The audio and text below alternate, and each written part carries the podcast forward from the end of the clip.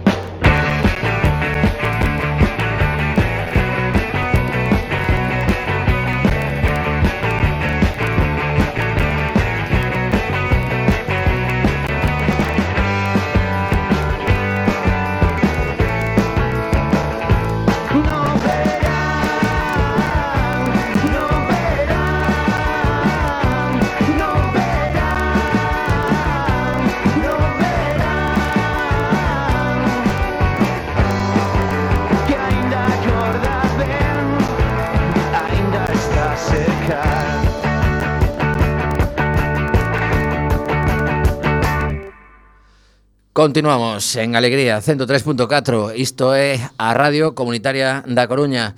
Eh, No teléfono está xa Bueno, de, no dentro do teléfono Sinón ao outro lado Temos a Abel Vázquez que é candidato Ni máis ni menos que a presidencia Do Colexio Oficial de Médicos da Provincia da Coruña. Hola Abel, boa tarde.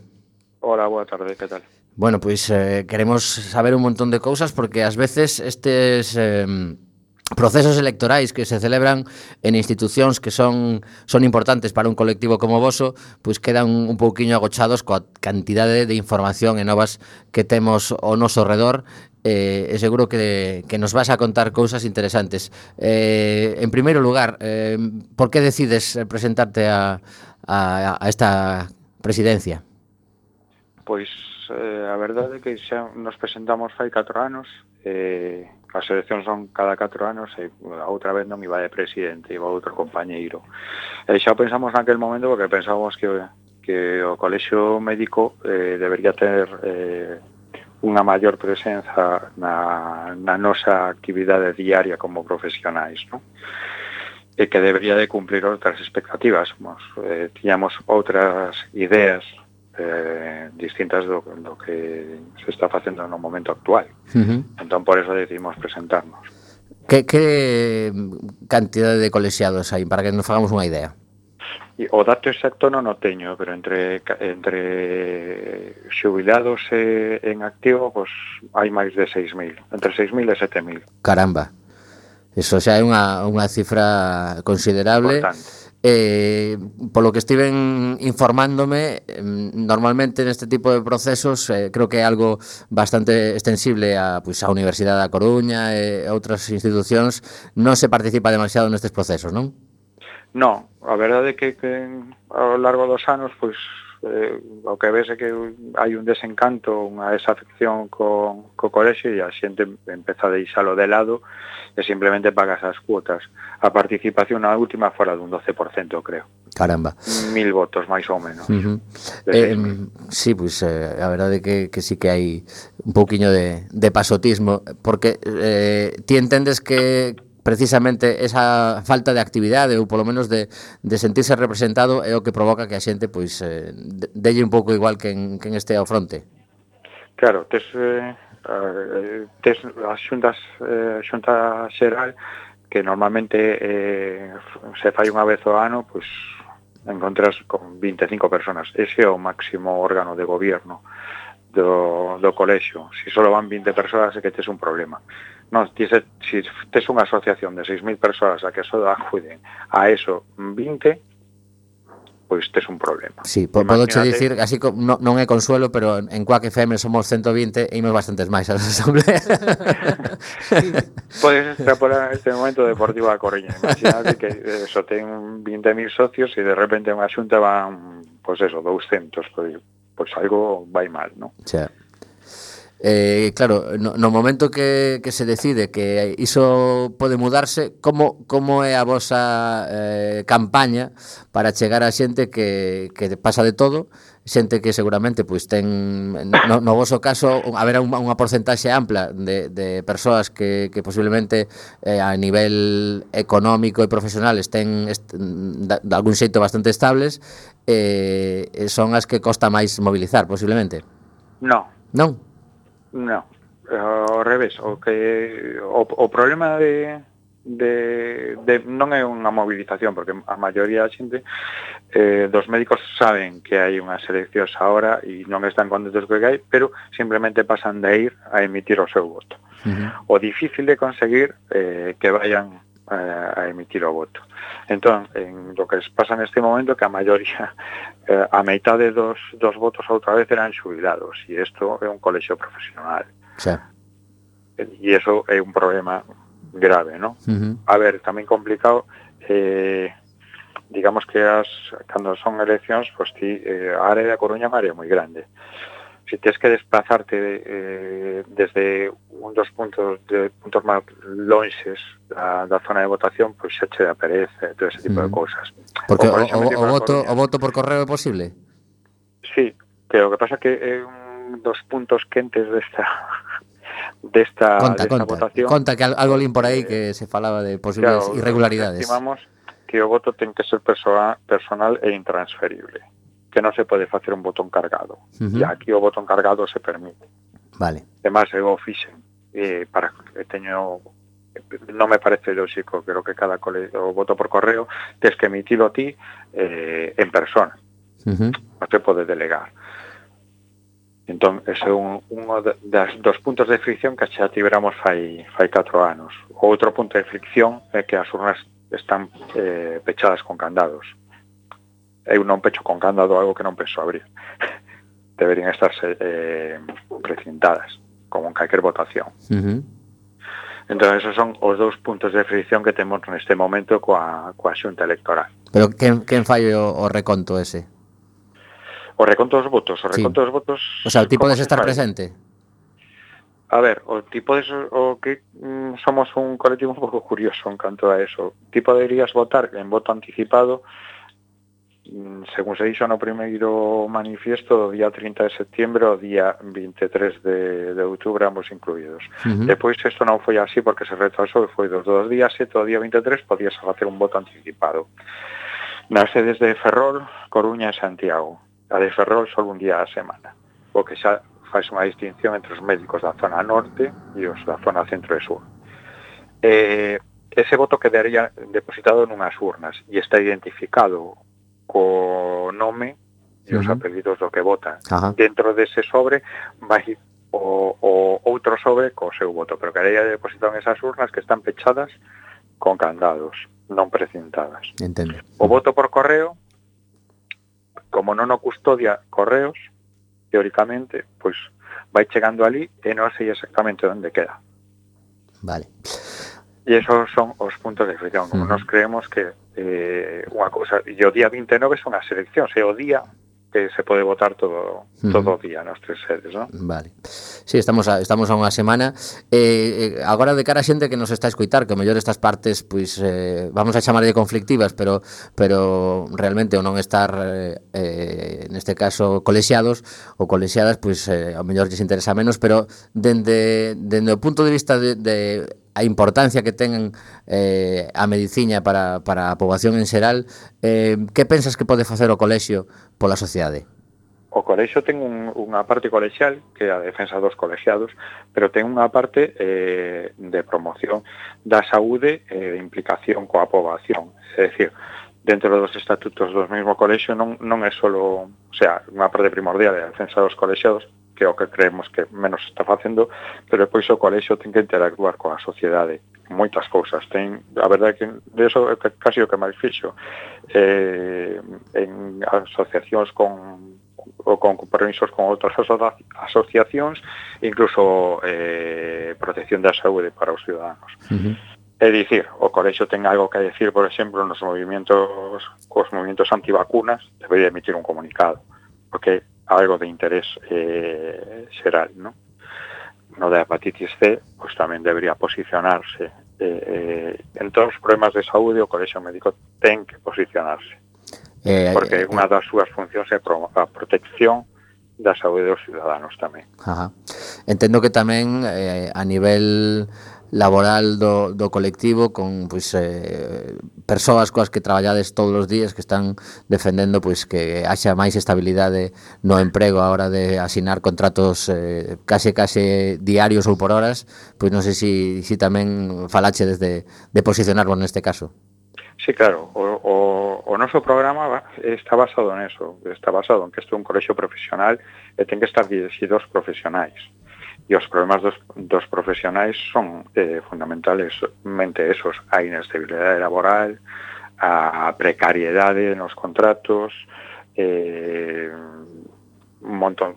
Si, si miras neste momento, eh, tes lío en primaria, hai lío cos PACs, hai lío cos residentes, hai lío cos interinos. Nadie está contento. Entón, eh, que, Cal é a posición actual do colexio sobre eso? Pois a maioría das casos non sei. Non, non, non tiveche des debate ao respecto, non se convocou nunca un, unha xuntanza para decir, bueno, pois como, como colexio con 6.000 persoas eh, representadas deberíamos facer algo ou estar en contacto con, con outros colectivos que están a loitar? Non se fixo nada. Eh, individualmente creo que sí. Individualmente si sí se deu algún tipo de apoio a algún destes colectivos. Institucionalmente, a mí non me consta, excepto unha das reunións que foi máis xeral por o tema da incompatibilidade, que foi unha reunión que se fixo no último ano, que tamén é un tema eh, a incompatibilidade e a exclusividade son un tema sempre que están aí metidos no, no, na sanidade pública, non? Eh, Pero hola, quitando Abel. esos... Eh, sí, sí, acaba, acaba, perdona. na, xa había acabado.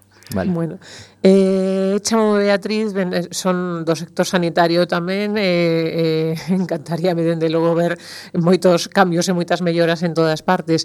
Entón, eh, chegando ti como, a, como novo candidato que queres realmente facer cousas, cales serían os principales puntos nos que queres traballar? Que lle podes ofrecer de diferente a este colectivo? eu creo que, que habería que traballar en, en todos os puntos, non en un solo, non? Eu creo que o colexo ten que posicionarse en todos esos problemas. O que non vin mm, al, levo 22 anos nesto, nunca vin un apoio do colexo. Recordo cando que acabei a especialidade que ti eh, serías un, un traballador super un traballador super especializado, a min contratábanme hoxe e daban de baixa mañá Eh, e teña que traballar en máis dun sitio eh, e non chegaba casi a final de mes, non? E sí. un traballador super especializado. A verdade é que nos últimos anos isto sí que mellorou. Ahora en vez de ser de día a día, normalmente os contratos son de un mes. Bueno, tampouco wow. foi, foi un avance, eh? Que Toda que que non. Ese o avance que conseguimos, non? Uh -huh. E eh, despois aí encima, sabes, é que non tes médicos. Por que non os tes? ti teóricamente es, es un dos que influe en cantos profesionais vais a formar e como os vas a contratar porque non tes médicos. Claro. Dixo algo Corexion hasta ahora? Non. A resposta é moi fácil, non? Eu sempre o digo, eu traballei como a precariedade era tan grande, tiven que emigrar e marchei a Portugal, fui un residente en Portugal, non poden acabar por problemas persoais, ali e tal Pero en Portugal estaban todos os médicos encantados de traballar para a sanidade pública. Encantados. Cousa que aquí non vas a ver. Por qué? Por dos motivos. Estaban moi ben considerados, moi ben tratados, estaban ben pagados. Non había máis. Uh -huh. E era Portugal. Citaches, Aquí eh... todo o contrario. Claro. Sí, sí, perdoa. No, é que citaxes precisamente que creo que ven un pouco a, a colación eh, o tema da, da compatibilidade entre o sector público e o privado, como se, mm. como se reparte un médico na súa cabeza pacientes que o mellor está tratando nun hospital público que a continuación podería ter unha cita a nivel privado que o mellor pois é moito antes da cita que ten oficialmente no público. Eso, eso tamén supoño que será algo do que, do que falades, non? eso sí que se convocou unha, unha reunión por os problemas que, que estaba vendo, porque mm, por unha parte os Sergas é incapaz de contratar máis médicos, porque non pode contratar médicos que traballen na, na sanidade privada, o sea, non terías que solicitar a compatibilidade, E o sector privado ten tamén o mesmo problema, porque non é capaz de contratar médicos que están na sanidade pública, porque tens que renunciar a exclusiva, solicitar un permiso a, a Facenda en Santiago para que te, para que te den a concesión. Eh, aquí hai varios é un tema quente e hai varios varios asuntos, non? Unha das queixas que había que se ti traballas eh, como autónomo, si tipo, tipo desmontar unha consulta, e iso non che impide nadie. É dicir, eu son ciruxán e monto unha consulta pola miña conta e pois opero en outros hospitales, nadie se mete neso. O que non me permiten é traballar noutro hospital que este eh, que tenga algún servicio eh, que este concertado co, coa sanidade pública. Ajá. O que expoñen os profesionales ali é que se ti traballas nun hospital tes que pasar unha serie de requisitos. O sea, os hospitais normalmente compren unhas normativas. E ti tes que adaptarte a esa normativa, pero se ti montas a túa consulta, non. Entón, que tiña pouco sentido que se permitirán unha cousa ou non. E ten pouco sentido que está sucedendo agora, non? Que si, eso, si ti es autónomo podes traballar no, e operar no? hospital que traballas ao, ao lado da, do hospital público para que traballas, pero sin non eres autónomo non podes traballar ni siquiera nun hospital de outra provincia que traballe para a sanidade pública. É curioso, realmente sí que, que sí, algo, algo, algo que descoñecía é que, é que chama, claro, chama atención que non, que non haxa pois, pues, algunha iniciativa no, no Parlamento galego neste caso, creo que é o que ten as competencias de modificar esa, esa, ver, esa des, descompensación. Esa normativa é unha normativa moi antiga. Eh, creo, creo, eh? tampouco me fagas aí un caso tremendo, uh -huh. creo que é unha normativa do 82. É unha normativa de funcionarios O y, esto me refiero que hay para todos los funcionarios. Claro, tú piensas, vale, eh, uso un médico y, y, solicito para trabajar, trabajo en Ferrol, solicito para trabajar en La Coruña, pues no tengo ningún problema. Pero si TIES o encargado de seguridad nacional, no verías con vos ellos que esa persona trabajara para una empresa privada de seguridad, ¿no? Entonces hay funcionarios y funcionarios. Otras comunidades lo que hicieron es legislar sobre estatutarios sanitarios. que eso sí se pode facer. Non sei, uh -huh. é un tema máis complexo que habría que meterse claro, moito claro. máis a fondo. Vale, eh, supoño que nos, nos vindeiros meses unha das cousas que, que imos ver é eh, o posibles picos da, da gripe e demais, eh, supoño que iso conlevará pois, eh, os, os colapsos habituais que vemos precisamente na época do Nadal. E non sei se si, si tedes a sensación de que se traballa con, con anticipación cando, cando un problema é cíclico Eh, non, non, non, se trata con anticipación. Vale. no. Bueno, eu, pues... desde o meu punto de vista, non. Hai, hai programas informáticos nese momento que con unha probabilidade de máis menos 5% te poden che dicir cantos pacientes van a acudir ao servicio de urgencias con unha nova antelación. Caramba. Eh, máis ou menos todo o mundo sabe cando vai a ter os picos e en que momentos estes os picos, non? Entón, eh, eso habría que preguntarllos a, a cada xerencia si, si puxo os, os medios ou non, pero despois o que ti ves é o que sai nos medios, ¿no? Colapso aquí, colapso aquí, colapso no outro lado, 40 pacientes pendentes de cama, non sei, non dá a sensación de que se traballe con, con anticipación, uh -huh. non? Hai algún... que me imagino que sempre unha xerencia preferirá que isto non suceda, claro. porque sucede ou non, pois pues, pois terán que decilo eles. Uh -huh. Ou terán que decilo desde un colectivo como o noso cando estes ali.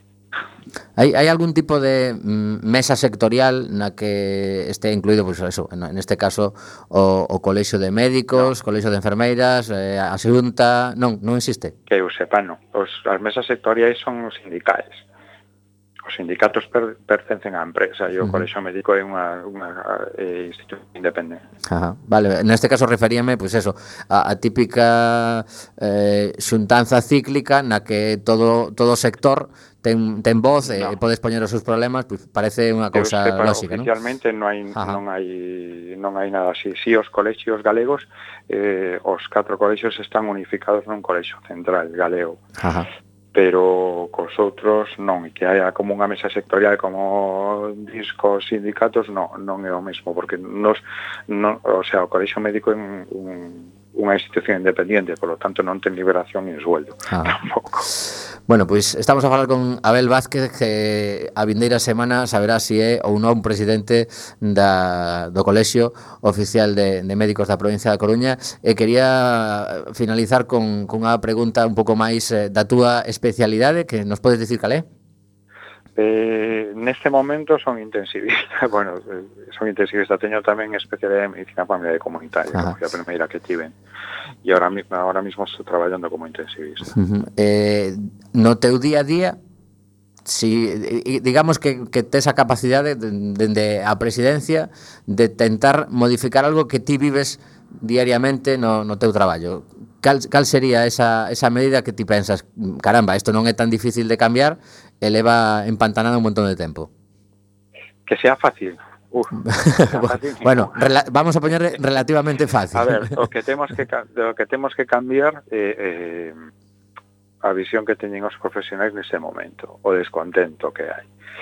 Eh, isto é unha guerra por separado, eh, hai que unificar e o colexo que se ten que mediar entre todos para que isto vaya hacia adiante porque ti o que notas cando ves a traballar que cada, cada día tes menos ganas de vir a traballar porque mm, todos son problemas Caramba, Sempre, ¿no? eso, eso é, eh, okay, é preocupante pero... cando estamos a falar da saúde da xente. Sí, eu xe estaba lendo un artículo de, de un médico de primaria que, que escribiu un libro de poñía que para él unha época que ir a traballar era un suplicio, que era eh, horrible que, te, que se poñía malo cada vez que iba a traballar. ¿no?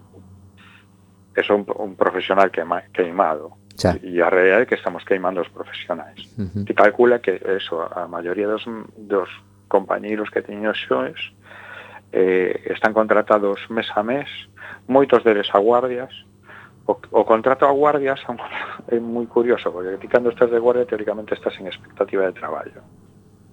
Logo non cobras a hora completa, cobras menos ah. da hora normal. Imagínate que ti traballas nunha unidade de cuidados intensivos, donde soes cinco pola mañá, que se reparten o traballo. E pola tarde e noite queda un só profesional que o que está de garda, en expectativa de traballo. E crees que existe a expectativa de traballo nunha unidade de cuidados intensivos? Que a xente elixe en que momento ten un accidente de tráfico ou en que momento cae do andamio, como hoxe Pues precisamente diso creo que Bea sabe bastante de, de si isto que nos claro, vas a comentar. Entonces, cando hai expectativa de traballo, xa te digo, o sea, pola mañana éramos cinco, levo a tarde e noite eu só aguantando todos os que están ingresados, máis os que veñen de fora, imagínate como estás. Xa. Sin embargo, justo os profesionais que, que están aí, que son os que están contratados a agua, agardas, moitas ocasións, teñen un sueldo misérrimo. o cual Claro, a sanidade eh, sobrevive moitas veces gracias a isto, pero non pode ser solo a, gracias a isto. Xa, pois sí. Mm-hmm. E que ademais nas, nas guardias, para que o entendan a, a nosa audiencia, xuntase un pouco todo, porque por unha banda eh, son moi longas, porque que veñen sendo 16 horas ou unha cousa así, no? xa en fin de semana peor todavía. 24 horas. 24 horas e ainda por riba con menos xente, porque iso, igual ti como Moitas está, eh, chegas a traballar xente, sete horas e tes residentes, pero pero logo queda xente de guardia e eh, está o, o que dicía Abel, ao que caia, porque é que nunca nunca sabes o que pode pasar, pode estar unha guardia estupenda e moi tranquila e pode ser que ese día pois veña o apocalipse e non pares e non teñas un momento para parar a tomar un café. E claro, iso notase en, en como atendes os pacientes, pero é que somos seres humanos, carai, temos claro temos unha, uns límites. E entón- no. depois, eh, o problema é que non sobrevives sin as garras, estás obligado a facelas, porque uh -huh. o teu sueldo é misérrimo por si sí mesmo tamén. Calcula que todo o mundo pensa que cobramos unha pasta, pero eu veo xa a miña, no, a miña nómina que pon sueldo base 1.190 euros. Xa. Uh -huh. A partir de aí, eh, si tes eh, eh, complementos e tal, pero tú calcula que sin exclusividade un médico que traballe solo na, nunha xornada laboral normal, como calquer traballador, anda por 2.200 euros, creo, si non me equivoco, ¿no? Anda por aí, na sanidade pública. Xa. Bueno, pois pues moitísimo traballo por diante eh, Agardamos que, que polo menos consigades eh, mobilizar a, a, a masa social esa que tedes aí de, de 6.000 persoas E Que au, incremente un pouquiño a participación. Eh, Estaremos pendentes do que sucede nas eleccións. Moitas grazas por atender os micros Moitas de, de Coac FM por darnos voz. Moitas gracias. Unha aperta. Bueno, pois son as 6:33 minutos e cando teña un segundiño Roberto, metemos a sintonía da Econova. Eh, aí va, claro, a Econova non estaba prevista. claro, foi, foi un despiste desto de, de que con Mariano xa normalmente ten por aí localizada a sintonía. Se non eh, atarareamos. Que... No, no, dixo, dixo Roberto, tranquilidade que isto xa o fixe máis veces. Está todo localizado. Dalle aí, dalle aí.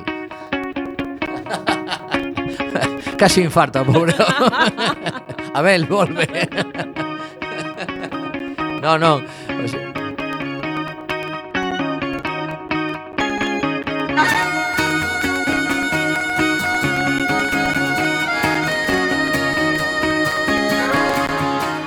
Continuamos destrozados da risa. En Cuac FM 103.4 no teu dial Estás escoitando alegría E chegamos ao apartado do da Econova Cando sonas 6 e 34 minutos da tarde Deste 22 de outubro de 2019 Xa sabes que senón nos escoitas nesta hora en este día é eh, que estamos en redifusión. Empezamos cunha Econova que se chama Nas cidades ganarase ou perderase a contenda climática.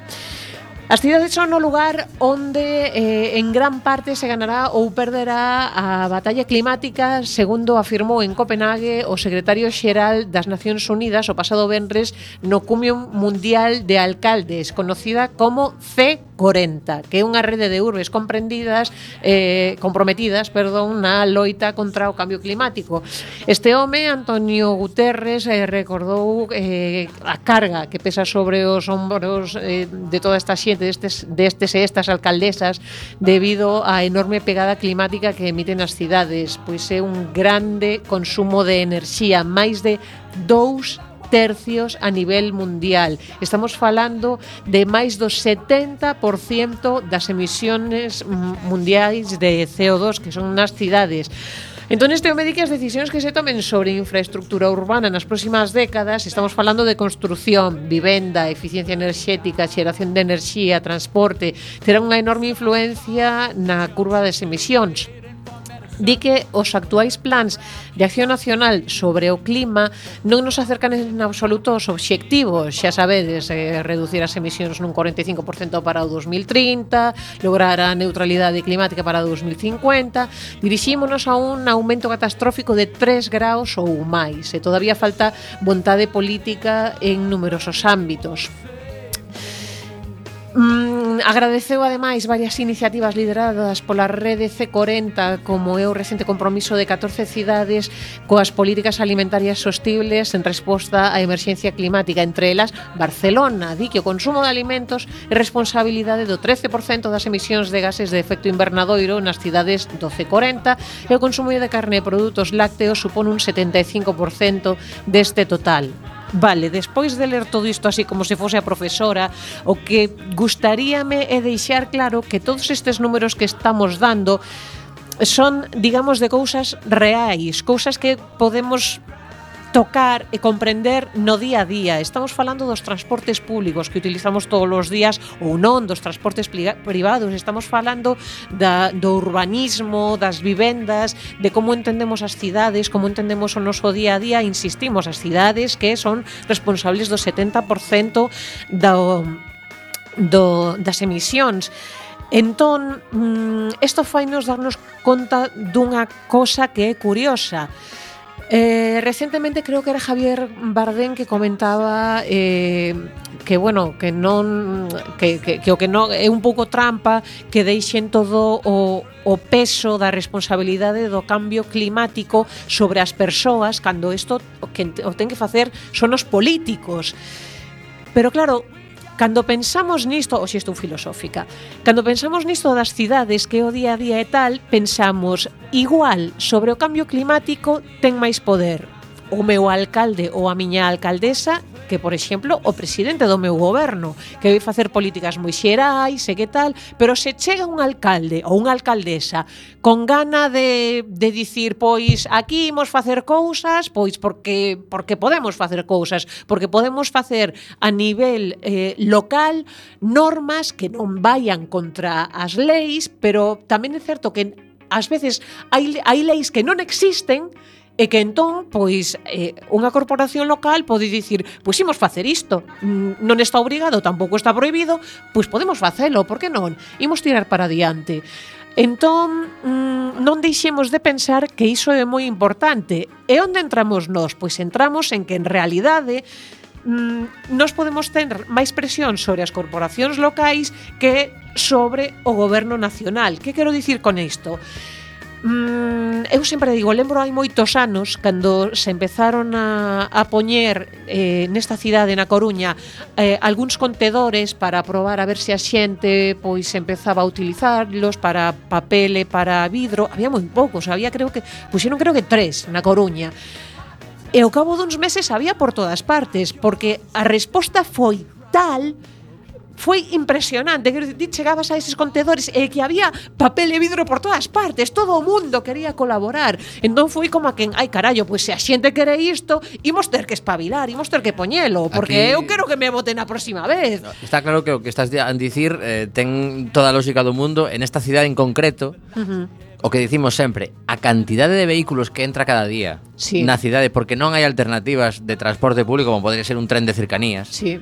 Eso provoca Certo. un aumento que aquí temos a sorte de que o mar -huh. O Atlántico e o, e o vento limpa moitísimo. E fíxate que ya mellorou só con unha cousa tan tonta como que os, os buses que veñen da Bisbarra cheguen ata os xardins de Méndez claro, Núñez. No, non teño Agora hai de, moitísima máis xente de como que... se incrementou o, o número sí, de usuarios. Eu, eu os claro. números exactos non nos pero lembro sabes, tampouco, sabes pero foi, sí, sí, sí que houbo de feito unha gran subida. E sabes o que notando últimamente? Eu utilizo moito o bus. Eu últimamente noto que, que se usa máis, van moito máis petados do que que ían habitualmente, ah. que por un lado dis, vaya, non me podo sentar e por outro lado dis, que ben utilizas. Eh, o seguinte que dicimos é, eh, pois haberá que poñer máis buses claro, ou, claro. ou, ou mm, mellorar, mellorar as, as liñas porque seguramente haberá, como di sempre a compañía de tranvía, é que, é que hai algunhas liñas que son deficitarias, vale, pois o mellor tes que repensar esas liñas, pero dar o servizo, porque o que o comentan, por exemplo, a xente que vive no, nas Roseiras, mm. que teñen unhas frecuencias horribles, horribles para conectarse sí, co resto sí, sí, da sí, cidade. Hai algúns claro. puntos que, que é eh, terrible. Non, non sería máis máis doado ter un, un circular que vaixe dende ali a un punto de conexión potente no que cheguen bastantes liñas e dende aí irradiar. Por exemplo, en todo caso, o que estamos vendo con todo isto é que sí, é que realmente é nas cidades onde máis se pode facer. Entón, pois temos que seguir aí a pedo cañón e temos por suposto que si os políticos que non que non pensen que efectivamente o podemos facer todo nós, que non, non, non, que ti ou moves o cu ou te vai votar a túa prima de Cuenca, Porque mm. eu non. Eh, lembro, hai moitos anos eh, entrevistamos aquí eh, lembras a Amancio de sí, Adega sí. nun momento que había moitas dúbidas sobre o tema de reciclaxe que dicían que o final, que se o mezclaban todo que non estaba funcionando e preguntamos, e mira, ti que pensas disto? porque claro, desanímate un pouco a, a, a seguir tratando de reciclar e facendo ese esforzo e el dixo que o contrario, que o que teníamos que facer era máis e mellor. Dicía, porque vai ser a forma da xente de presionar aos políticos, como de dicir, mira, ti o farás mal, pero eu vou seguir facelo ben, facendo ben, facendo ben, e, e ao final é que ti tes que pasar por min, porque eu tamén vai chegar un momento en que diga, mira, se eu sigo reciclando e ti non, pois ti fora e que veña outro que saiba a mañarme as cousas para que se recicle ben. De feito, si, si miramos as propostas dos orzamentos participativos, hai bastantes mm, temas relacionados con, con isto, por exemplo, sí. bicicletas eléctricas se pedían, sí, sí. porque claro, hai zonas o, que sin bicis eléctricas, eh, efectivamente. Sí, mellorar o carril bici, no, está claro que a xente temos esa, esa cousa que queremos melloralo.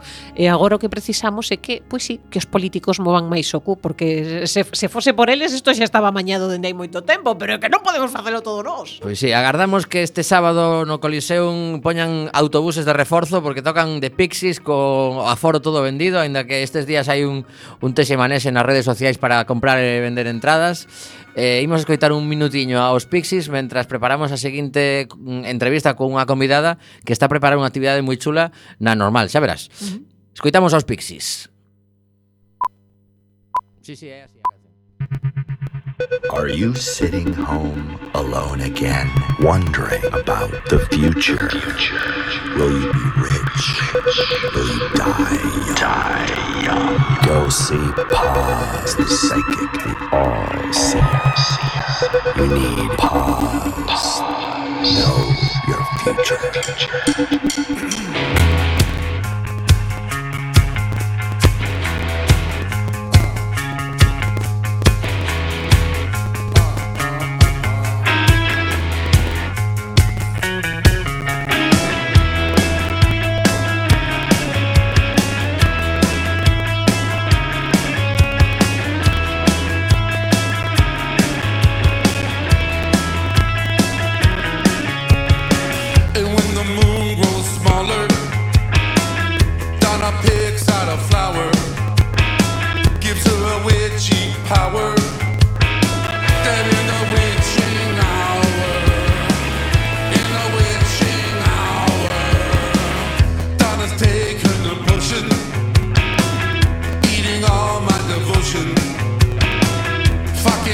My emotion.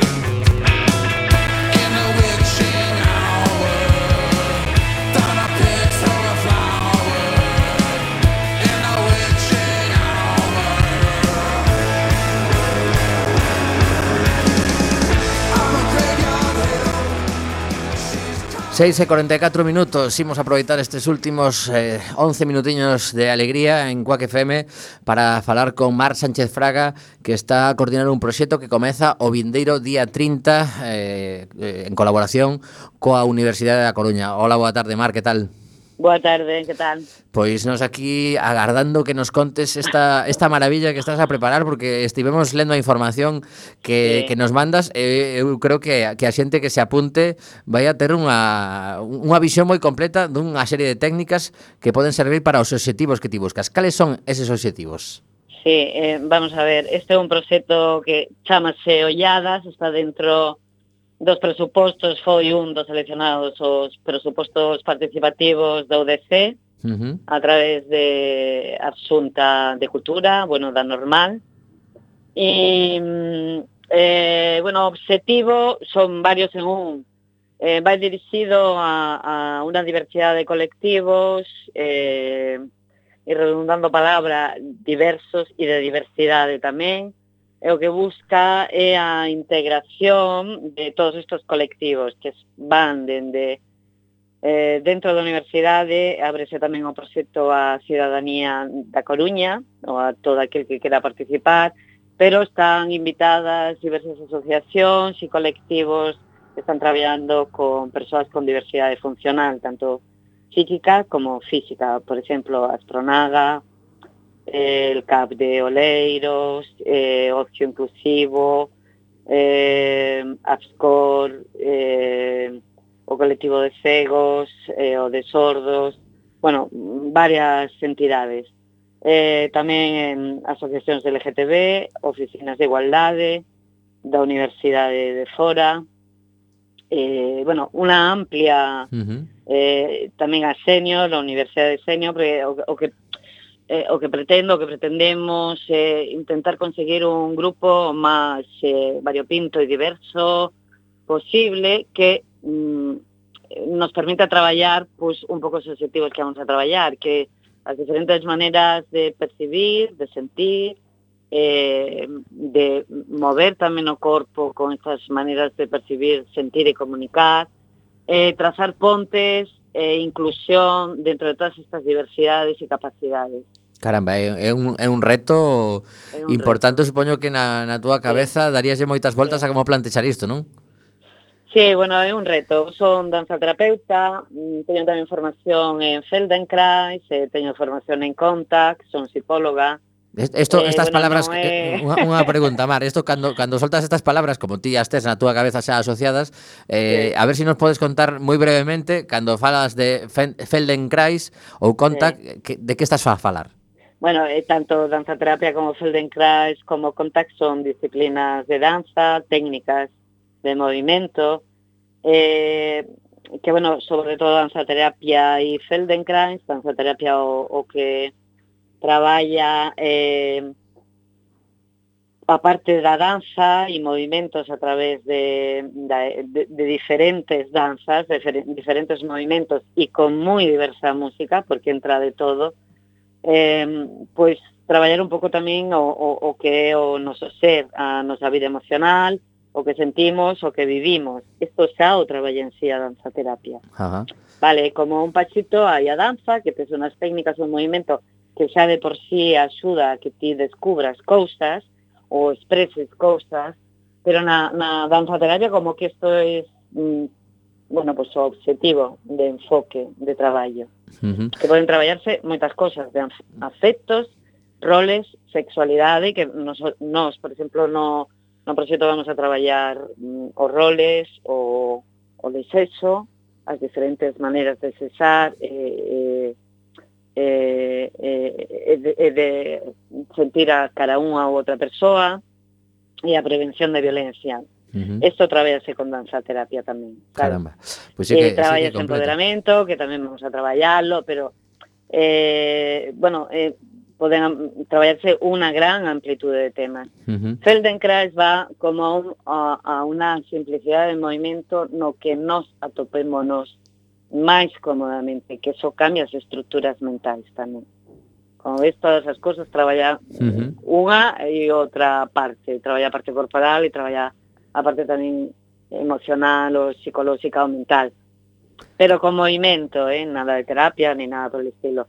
E, bueno, conta, para mí, é unha técnica de danza que é unha ferramenta mm, para mí moi interesante na comunicación, porque necesitas o movimento e a continuación dos corpos das outras persoas para que para que se cree esta danza.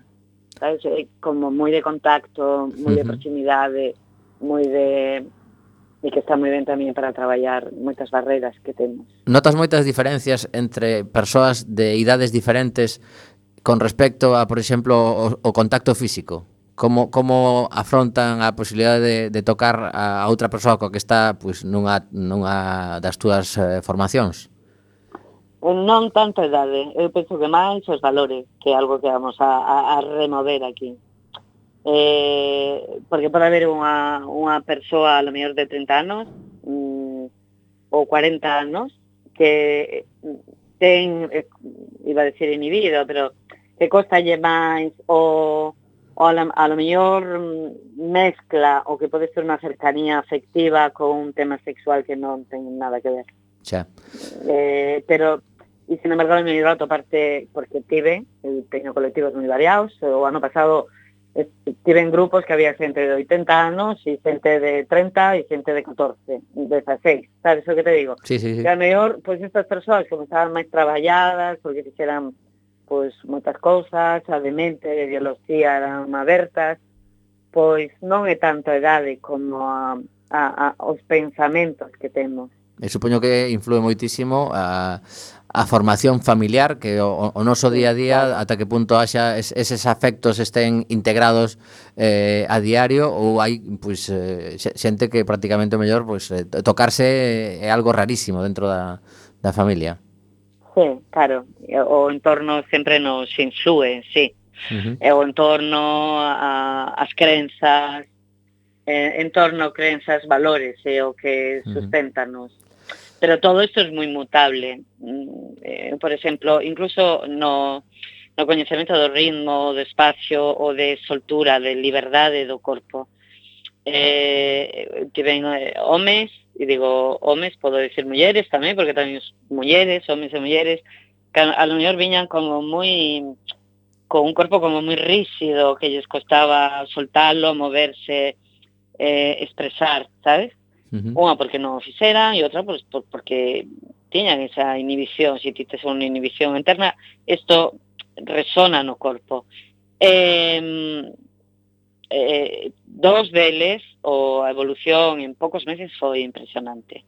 E eles mesmos os recoñeceron, eh? home e muller, estou falándote estos dos en concreto.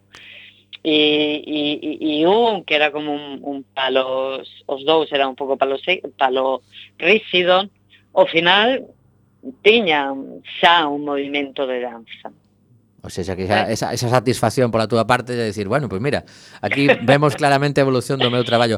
Antes, antes de que se nos escape o tempo, porque isto vai moi rápido, sí. eh, temos que centrar a, a nosa audiencia que, que agora mesmo ah, está claro, co, coa curiosidade. Claro, Estamos a falar dunha claro. actividade que se vai celebrar, se si non me equivoco, eh, dende o 30 de outubro durante dous meses en horario de 7 cuarto a 9.30 eh, 7 ah, eh, e media, 7, a 7 e media, 9.30 vale. a 21.30 logo xeso igual adiantamos pero uh -huh. horario de comezo é ese de 19.30 a 21.30 na aula de danza da normal que está eso, xa, xa coñecemos está... a maioría de xente, pero bueno, para ir a zona de de Perto a cidade escolar, efectivamente. Sí, aí está, perto do Conservatorio de Música. Uh -huh. Paseo de Ronda, penso que é, ¿no? Sí, efectivamente, Paseo de Paseo Ronda. De Ronda 47. Moita xente sí. coñece o, o Instituto Masculino ou lle soa por ali. Bueno, aí zona, está. zona Casa da Auga, Estadio de Riazor. Aí está. Xusto. Eh, tedes un, un correo electrónico eh, no que sí, apuntarse? mira, eh, o, o meu, o marsanchezfraga.hotmail.com ou ben o... Pero, máis, di máis despaciño porque ao mellor alguén eh, está apuntando. Mar, Mar Sánchez Fraga, uh -huh. arroba hotmail.com. Vale. O 649-283-976. 649-283-976. Sí. Eh, a pregunta habitual tamén é se hai que pagar eh, algunha cuota. No, é, é gratuito, está asumido dentro dos presupostos.